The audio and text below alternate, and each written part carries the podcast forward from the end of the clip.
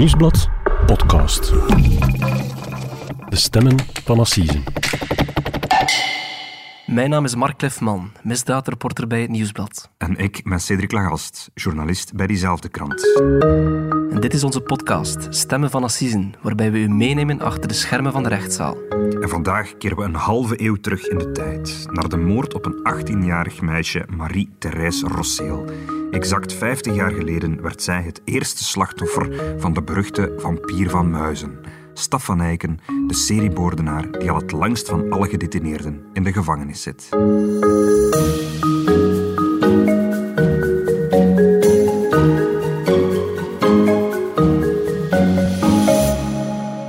Dag Mark. Dag Cedric. Mark, welkom terug in de studio. Dank u. Mark, we hebben jou naar de studio hier gehaald omdat jij afgelopen zomer een, een, een heel speciale zomerreeks hebt gemaakt. En één aflevering daarvan wordt vandaag heel erg actueel. Ja, dus uh, ik heb inderdaad een, een zomerreeks gemaakt rond moordwapens. En ik ben eens in onze fotoarchieven gaan duiken krant. Uh, om eens te zien of daar beelden zaten van opmerkelijke moordwapens. En ja, goed, die waren er natuurlijk wel, gaande van uh, een harpoen, een uh, metalen staven, een BH, het kan van alles zijn natuurlijk. En jij hebt rond die wapens het, het verhaal gereconstrueerd? Rond die moordwapens heb ik dan het verhaal gereconstrueerd van die zaak. Maar ik ben ook op een... Ja, ik heb een honderdtal fotomapjes doorbladerd en ik, heb, ik, ik bleef eigenlijk lang stilstaan bij twee foto's, namelijk het doodsprentje van een ja, knappe jonge vrouw, Marie-Thérèse Rosseel. En de, vooral de foto die daarna kwam, dat was het, uh, het beeld, ja, een, een, foto van het aardappelmesje, een bebloed aardappelmesje, waarmee zij gruwelijk vermoord werd. Ik heb dat verhaal gelezen. Die twee foto's die leiden eigenlijk naar een heel bekend verhaal. Naar Absoluut. een heel populair verhaal zou ik niet zeggen, maar, maar wel een, een, een verhaal naar een naam eigenlijk die iedereen gaat kennen, namelijk de vampier van Muizen. Inderdaad. En het bijzondere is, dit jaar is het eigenlijk exact 50 jaar geleden, eigenlijk deze maand is het exact 50 jaar geleden, dat de vampier van Muizen, uh, Marie-Thérèse Rosseel, vermoord heeft, zijn eerste Mhm. slachtoffer. En voor jouw zomerreeks heb je niet alleen die moord gereconstrueerd en het proces daarachter, maar je bent ook met Nee, nabestaanden van slachtoffers Inderdaad, gaan ik ben ben op zoek gegaan naar die mensen, naar de, naar de familieleden van, van de slachtoffers. Ik heb Luc gesproken, Dat was ons zusje. dat is de broer van de vermoorde Marie-Thérèse. Ze komt niet meer thuis s'avonds. Oei, wat blijft ze? En ik moet eigenlijk wel zeggen, ik was wel ehm, onder de indruk van wat die man te vertellen had, omdat een mens denkt soms van, ja, verdriet, dat, dat slijt doorheen de jaren. hè. Het is nu al 50 jaar geleden, een halve eeuw. Ehm, maar eigenlijk, de getuigenis van die man maakt voor mij wel duidelijk dat, ja, door zulke misdaden kunnen soms families compleet ontwricht worden. Ehm, en dus, ja, ook al is het dan al 50 jaar geleden, het verdriet blijft duidelijk even groot. Mensen verliezen hun moeder, vader, dochter, zoon in een ongeval. Dat kun je aannemen. Dat is aanvaardbaar. Maar zoiets, het is gewoon vermoord geweest. 18 missteken. Borsten afgebeten. En wat heeft er nog allemaal gedaan? Ze had haar en vel van haar te verweren onder haar nagels zitten. Dus dat meisje moet echt ongelooflijk afgezien hebben op die moment zelf. Maar hem deed gewoon verder. Hè, Ze nog verkracht. En dan gewoon van buiten rond het huis naar van achter in een bos gestreept. We hoorden hier dus Luc, de broer van de vermoorde Marie-Thérèse. Ehm, hij vertelt meteen ook op wat voor een vreselijke manier zijn zus eh, om het leven is gekomen. M- Maar laten we bij het begin beginnen. Wie was Marie-Thérèse Rosseel? Dat was eigenlijk een heel normaal Vlaams meisje. ehm, of ja, zeg maar jonge vrouw, want uiteindelijk ze was ze was 18. Ehm, dus haar ouders waren gescheiden, maar ze had eigenlijk wel met beiden ja, een heel goed contact. Eh, net als met haar vier broers. Ehm, ze, ze, ze woonde met haar vier broers in Mechelse. Ehm, en volgens haar broer, ja, Luc, hè, die twee jaar jonger was, eh, had ze eigenlijk een heel leuke, normale jeugd. En, en wist ze ook wel ja, haar mannetje te staan tussen, tussen die vier jongens daar thuis. Ze, ze liet zich eigenlijk niet doen, is wat het hij bedoelt. Nee, in tegendeel. Ehm, hij benadrukt dat eigenlijk wel, Luc. ehm, dat, zij, dat zij soms ja, een, halve, halve jongen was wat dat betreft. En hij, hij, hij benadrukte dat vooral om eigenlijk aan te geven dat eh Marie-Thérèse niet zomaar een weerloos slachtoffer was. Hij gaat ervan uit dat dat hij haar... Dat ze zich niet heeft laten doen. Nee, dat ze zich stevig heeft verzet tegen haar moordenaar.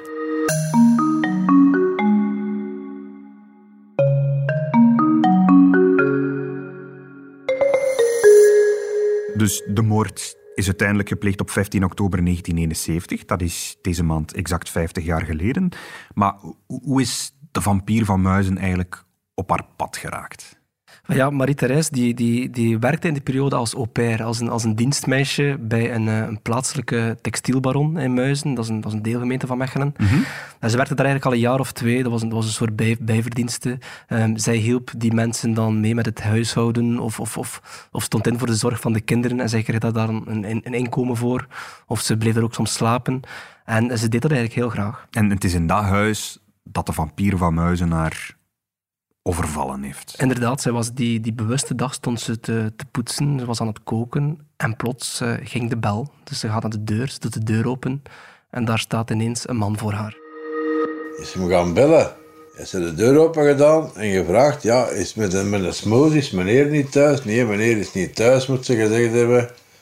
en ja, dag meneer. En ze wou de deur toe en ze voet tussen de deur gezet. En ja, een man is altijd sterker dan een vrouw heeft hem de deur open gedaan. Ja, dan is er een schermutseling begonnen natuurlijk. En zij was op die moment dan ook patatten aan het schellen. Heeft hem dat mesje gepakt, is hem beginnen steken bij haar. Het is echt zoals een vampier. Een vampier moet uitgenodigd worden vooraleer dat hij binnen mag in een huis. Dus hij is niet zomaar binnengedrongen. Hij heeft echt zo gaan aangaan bellen, heeft een slachtoffer in de ogen gekeken. Klopt, en hij, hij, wist wat hij wilde doen. En, en ja, Marie-Thérèse die had eigenlijk geen schijn van kans. Um, Staf van Eyken zal later, als hij dan gearresteerd is, gaat hij toegeven aan de politie dat hij die bewuste dag eh, van zijn werk kwam. Hij is nog enkele pinten gaan pakken op café aan de Leuvense Steeweg in Mechelen. Mhm.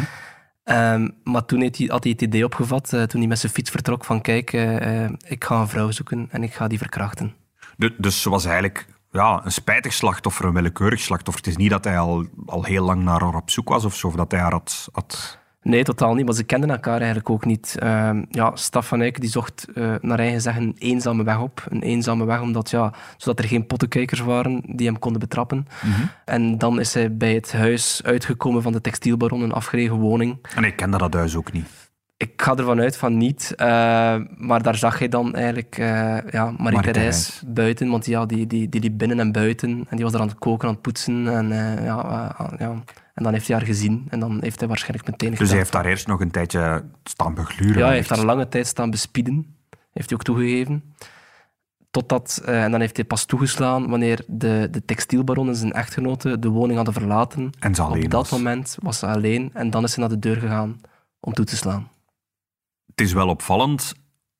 Hij was op zoek naar een vrouw om zijn lusten bot te vieren, om haar te verkrachten. Maar eigenlijk komt hij toe en hij doodt haar onmiddellijk. Ja, daar is, daar is dan eigenlijk, ja, want zij wilde hem niet binnenlaten natuurlijk. Daar is meteen een schermutseling ontstaan. Zij was die aardappel aan het schillen. Dat mesje lag daar. heeft dat mesje gegrepen. heeft haar meteen een mes gegeven. Maar het was niet zijn bedoeling om binnen te gaan en haar onmiddellijk te vermoorden? Nee, de bedoeling was eigenlijk om haar eerst te verkrachten. Maar dat is dan niet gelukt. Hij heeft haar dan 18 messteken gegeven. Totdat ze dood was. En dan heeft hij haar nadien ja, seksueel misbruikt. Uh, nadat hij haar dan uh, had toegetakeld, heeft hij ook uh, um, in beide borsten van Marie-Thérèse heeft hij, heeft hij gebeten. En zijn tandafdrukken stonden ja, ja, echt in, zijn, in haar tepels gegrift eigenlijk. Ik vermoed dat dat de reden is waarom dat hij in de pers dan de bijnaam... Dat is uiteraard de reden waarom hij dan nadien de bijnaam ja, de vampier van Muizen heeft gekregen. Dus Mark, er wordt op klaarlichte dag in Muizen een, een vrouw vermoord. Is dat dan niemand die dat ziet? Kan hij zomaar daar, daar wegwandelen zonder dat, dat, iemand hem ziet? Dat, dat iemand ziet wat er gebeurd is? Ja, dus inderdaad, niemand heeft het gezien. Er was geen enkele getuige. Um, en Staf van Eyken die heeft inderdaad gewoon rustig zijn fiets genomen en die is weer vertrokken. En rond half acht s'avonds is hij thuisgekomen. En dat is eigenlijk wel straf. Dus eigenlijk op het moment dat hij dan thuis komt, kreeg hij eigenlijk net te horen dat zijn moeder, die lag al lange tijd in het ziekenhuis, die was overleden. En dan is hij gewoon met zijn stiefvader naar het ziekenhuis gereden om afscheid te nemen van zijn overleden moeder. Maar van een dader was op dat moment nog altijd geen spoor. Nee, dus de politie opent een onderzoek als dat lichaam ontdekt wordt. En ik las in jouw artikel ook dat dan eigenlijk ook de familie van Marie-Thérèse... De, de eerste verdachte was natuurlijk de, de, de, textielbaron. Want die kwam thuis aan, die had het lichaam ontdekt. Mhm. En die werd als eerst ondervraagd van, ja, als potentiële dader. Maar hij had er helemaal niks mee te maken. Nee. Maar inderdaad, zoals hij zegt, eh, meteen is ook heel de familie van Marie-Thérèse in het vizier gekomen van de speuders. Ja. Ehm, en alle broers werden ook ondervraagd als potentiële verdachten. kregen bezoek van de BRB. En wij werden meegepakt. Dat was toen naar Vilvoorde dat wij meegenomen werden. En dan werden wij verhoord. En waar waarde jij op die moment? En hè, ja, ja. En dan liepen ze achter ons rond. Was zo'n een, een verduisterde kamer. Niet echt donker, maar toch. Hè. En dan trokken ze haar uit onze kop. Hé, hey, godverdomme. Wat doe je nou? Ik weet niet of dat toen DNA, dat dat toen al bestond. Dat weet ik niet. Maar om te vergelijken met hetgeen dat onder haar nagels zat, zeker, ik weet niet. Broeder- en, en zustermoorden gebeuren nog.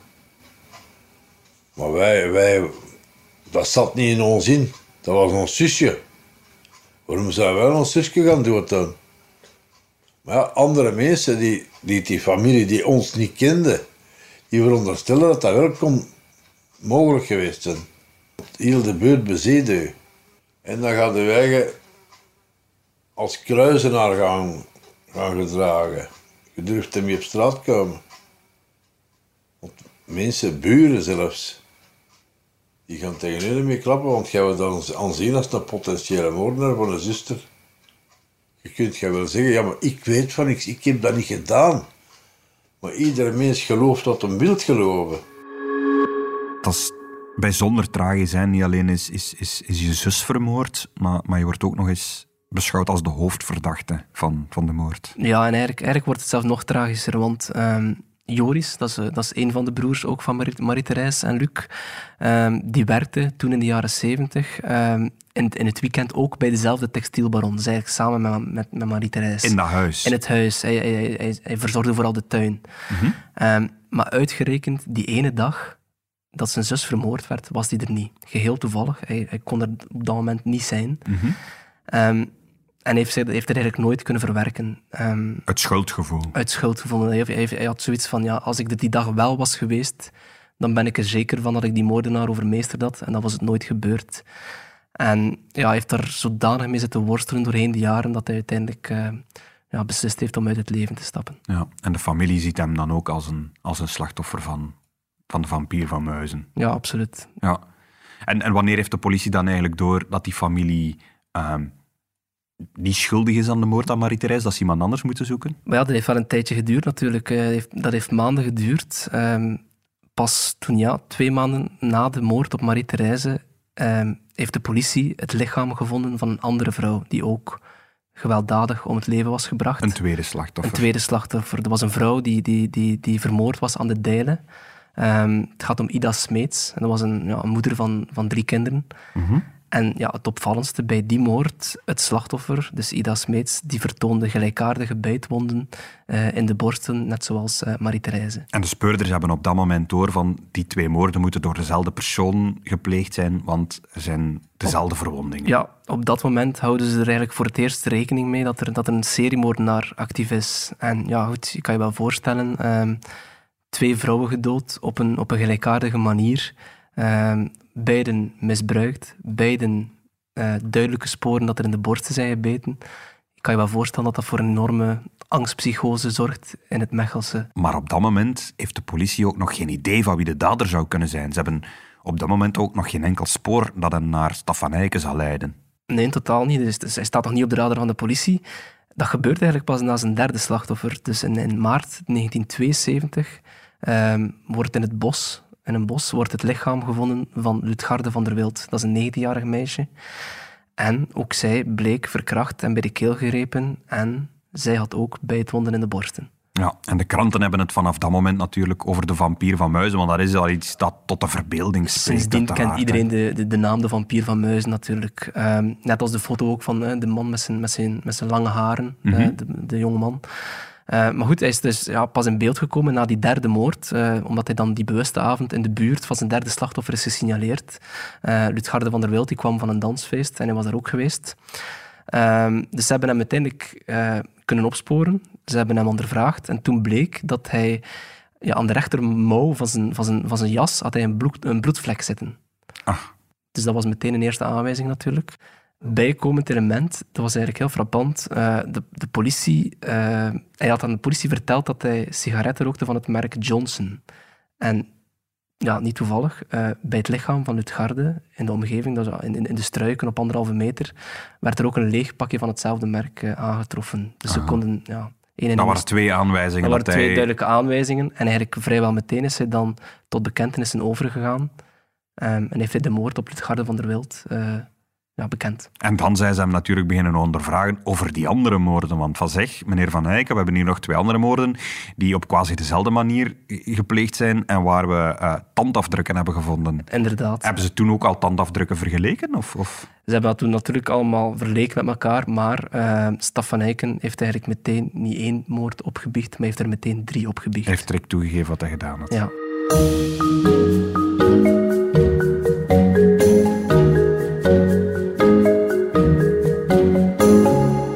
Dus Mark, er zijn drie vrouwen vermoord op een gruwelijke manier en er is een dader opgepakt. Wij kennen hem als de vampier van Muizen, maar zijn naam is Staffan Eyken. Dat is een naam die tot op vandaag nog altijd een bel doet rinkelen. Wie is die man en vooral, hoe, komt hij ertoe om, om plots vanuit het niets drie vrouwen zo gruwelijk te vermoorden? Ja, dat is een goede vraag. Um, nu, bij dergelijke zware feiten, zoiets komt ja, nooit helemaal uit het niets natuurlijk. Um, ik heb eens de akte van beschuldiging opgezocht. Uh, je weet wel, als, als de zaak voor het Hof van Assise komt, heeft het Openbaar Ministerie een, uh, een objectieve samenvatting van het onderzoek, zo heet dat dan.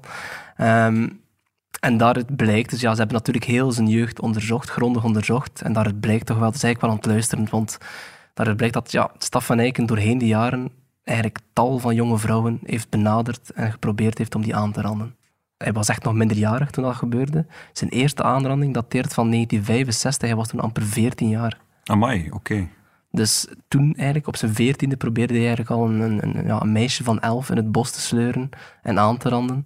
En ja, die, die jaar nadien is dat helemaal niet verbeterd. Ehm, hij heeft blijkbaar ook zijn zus uh, misbruikt. Hij wordt ook gelinkt aan tal van gewelddadige overvallen op jonge vrouwen. En eigenlijk blijkt het alles wel dat hij gewoon ja, een, zeer getroubleerde jeugd had. Maar dat is eigenlijk altijd onder de radar gebleven. Het gerecht had hem niet in het oog of die wisten dat niet dat, dat, dat hij een probleemgeval was? Nee, hij stond niet helemaal bekend bij het gerecht. Maar er was wel, eh, dat, zegt, eh, dat zegt Luc, de broer van, eh, van Marie-Thérèse, er was een veldwachter uit de streek die de reputatie en die het verleden van Staf van Eycken maar al te goed kende. De broer van Marie-Thérèse heeft mij dat verteld. Maar die, die informatie, dus de, de, de kennis van die veldwachter, is ja, helaas nooit tot bij de politie geraakt. Hij is daar nooit mee hoger opgegaan? Hij is daar niet meer naar de politie gestapt en zegt van, misschien moet je eens uh, Staf van Eycken, die man op zijn fietsje, misschien moet je die eens uh, arresteren of, of, of, eens, of eens grond aan de tand voeren. Ja. Oké, dus Staf van Eycken, hij bekent drie moorden en is daarvoor voor het Hof van Assisen in uh, verschenen. Ja, in 1974 is hij dan uiteindelijk voor het Hof van Assise gedaagd. Ehm, voor de familie van Marie-Thérèse was dat uh, extreem lastig. Um, dat zegt Luc zelf. Hij herinnert zich dat proces Ja, nog. hij herinnert zich dat nog levendig. Um, hij, heeft, heeft het proces niet in de rechtszaal gevolgd, uh, omdat hij nog iets te jong was, zei hij. Maar uh, zijn oudere broers wel, net als zijn ouders. En ja, vooral de, de confrontatie met Staf van Eycken was bijzonder zwaar. Mijn oudste broer is daar geweest met mijn moeder.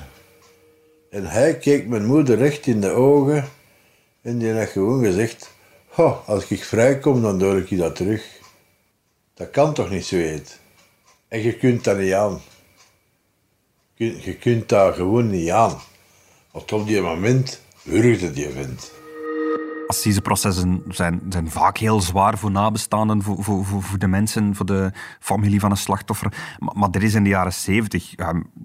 bestond er toen al zoiets als slachtofferhulp die, die de mensen bijstond in de rechtszaal? Ja, nee, dat was er toen allemaal nog niet. En, en ja, dat valt de familie van Marie-Thérèse ook wel zwaar, merk je.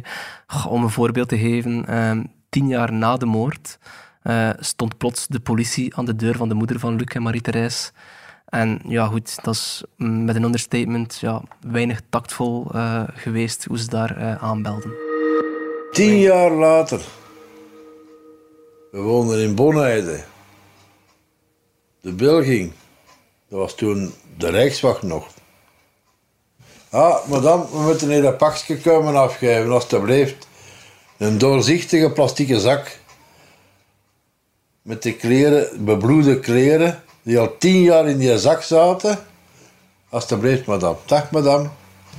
Jullie hadden een keer aftekenen voor ontvangst, toek. Die waren weg. Ja, wat is dat? En dan doe je die zak open, daar komt een geur uit van kanemie. Bebloede kleren al tien jaar in een plastic zak zitten. En dat veel gewoon uit elkaar. Hè. En dan als moeder een serieuze klop van gekregen.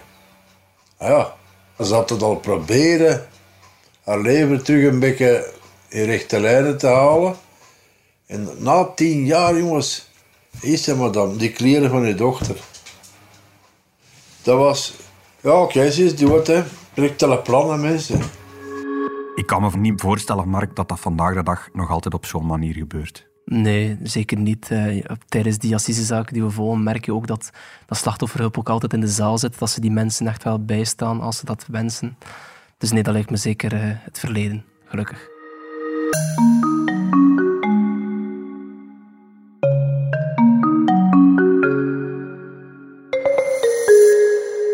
Staf van is uiteindelijk op zijn assiseproces veroordeeld tot de doodstraf. Maar uh, de doodstraf dat is in ons land later in de jaren tachtig uh, afgeschaft. En uh, zijn straf is later omgezet in, in, in levenslange opsluiting. Hè. Dat is zo bij nog mensen. Ik denk aan Freddy Orion, bijvoorbeeld. Um, en volgens de laatste berichten zit, de zit, hij nog altijd in de gevangenis van... Leuven Centraal. Van ja. Leuven? Ja. En eigenlijk, ik denk niet dat hij daar ooit nog vrijkomt. Nee, dus de, de, laatste keer dat we eigenlijk echt van hem hoorden, letterlijk dan, was, was, was vier jaar geleden. Um, Martot Libert, journalist bij VRT, bij, bij het programma Pano, is hem toen gaan opzoeken in de, in de gevangenis, waar hij vandaag nog steeds zit. En dat was wel zeer opmerkelijk, want hij heeft toen ook voor het eerst openlijk een, een interview gegeven, uh, waarin hij toch wel een aantal merkwaardige dingen heeft gezegd. Hij zei toen ook, Mark, in die uitzending, dat hij zichzelf gevaarlijk vindt. En, en ja, dat hij ook zelf vindt dat het gruwelijk is wat, wat hij gedaan heeft. Ja, hij heeft, dan, heeft eigenlijk van alles verteld. Hij vertelde over zijn leven in de cel, hij vertelde aan welke muziek hij graag luisterde. Maar hij heeft dus ook ja, uh, ja, heeft, heeft, heeft dingen gezegd over wat dat hij die nabestaanden, uh, zoals Luc, heeft aangericht. Um, en hij heeft zich ook persoonlijk naar hen gericht. Hij, hij zei letterlijk van ja, ik, ik, ik kan die mensen niet teruggeven wat ik hen heb ontnomen. Uh, maar ik kan wel zorgen dat het niet meer gebeurt en ik hoop dat ze dat aanvaarden. Dat is eigenlijk tegenovergestelde wat hij op zijn proces zei tegen, tegen, tegen de moeder van Marie-Thérèse. Hij heeft natuurlijk ook ja, lang genoeg de tijd gehad om daarover na te denken. En, uh, en neemt de familie genoegen mee met, met, met, met zo'n Nee, excuses? Ab absoluut niet. Um, dus een paar jaar geleden raakte bekend dat uh, Staf van Eycken ja, soms eens de gevangenis uh, mocht verlaten voor een dag. Uh, penitentiair verlof noemen ze dat zo mooi. Ehm, maar de familie heeft toen duidelijk gemaakt dat ze dat echt niet konden uh, verkroppen. Um, meer nog, uh, Luc zegt vandaag letterlijk dat hij eigenlijk zelf bereid is om als moordenaar in de cel te gaan zitten, mocht hij ooit Staf van Eycken tegen het lijf lopen. Wat je vindt, die weet dat ondertussen. Als ik die ergens tegenkom en ik heb die vast, gaat je nooit meer leeftig weglopen. Dat weet ik. Dat zweer ik op al hetgeen dat mij dierbaar is. Want hij leeft nog, hij mag schijnbaar in, in het gevangenis meespelen in toneel en, en boeken lezen en van alles leven. Hè? Mijn zuster, ze hebben die begraven destijds. Na zoveel jaar wordt dat ontgraven terug. En waar is die naartoe? Elk jaar, met alle heiligen, gaan de mensen een bloempot gaan zetten op een graf. Dat kunnen wij niet meer.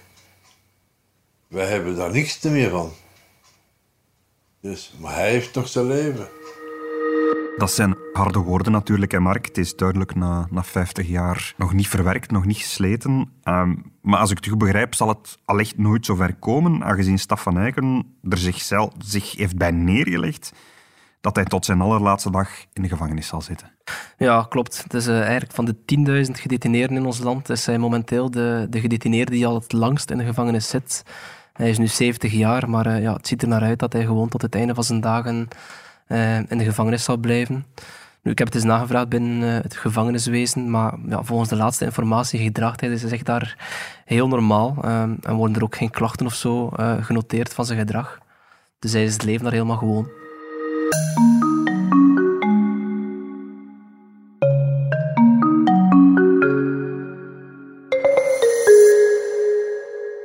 50 jaar geleden dus, Mark, dat de vampier van Muizen voor het eerst toesloeg. Bedankt dat je uh, ons nog eens kwam bijpraten over die oude zaak. Graag gedaan. Uh, volgt er binnenkort nog een spraakmakende assisenzaak? Ja, eigenlijk wel. Um, eind volgende week zit ik uh, terug in de assisenzaal in Brugge. Het was alweer een tijdje stil na de zomervakantie. Ehm, de jury moet zich daar uh, buigen over ja, toch wel een opmerkelijke zaak. Een fatale autorit waarbij een jonge vrouw om het leven is gekomen. Een, een autogeval, dat komt normaal toch niet voor assisen? Auto-ongevallen die komen voor de politierechtbank of hoogstens voor de strafrechter? Maar ja, je zegt ongeval. Net dat wordt eigenlijk de, de inzet van het, uh, van het proces. Um, het gaat om uh, Davy Kesteman, dat is eigenlijk een dertiger uit West-Vlaanderen. En die wordt beschuldigd van de moord op zijn vriendin Sharon. En de vraag is inderdaad, was het een spijtig ongeval zoals hij beweert? Of reed hij moedwillig zijn vriendinnetje dood en is er sprake van een zuivere moord? Dus het wordt wel een bijzonder proces. Zeer interessant. We zullen dat volgende week uitgebreid bespreken in De Stemmen van Assisen. Dit was De Stemmen van Assisen, een podcast van het Nieuwsblad. De stemmen waren deze week van Mark Liftman en van mezelf, Cedric Lagast. We bedanken Luc, de broer van de vermoorde Marie-Thérèse Rosseel. De montage was in handen van Pieter Schrevens van House of Media. De productie werd in goede banen geleid door Bert Heijvaart.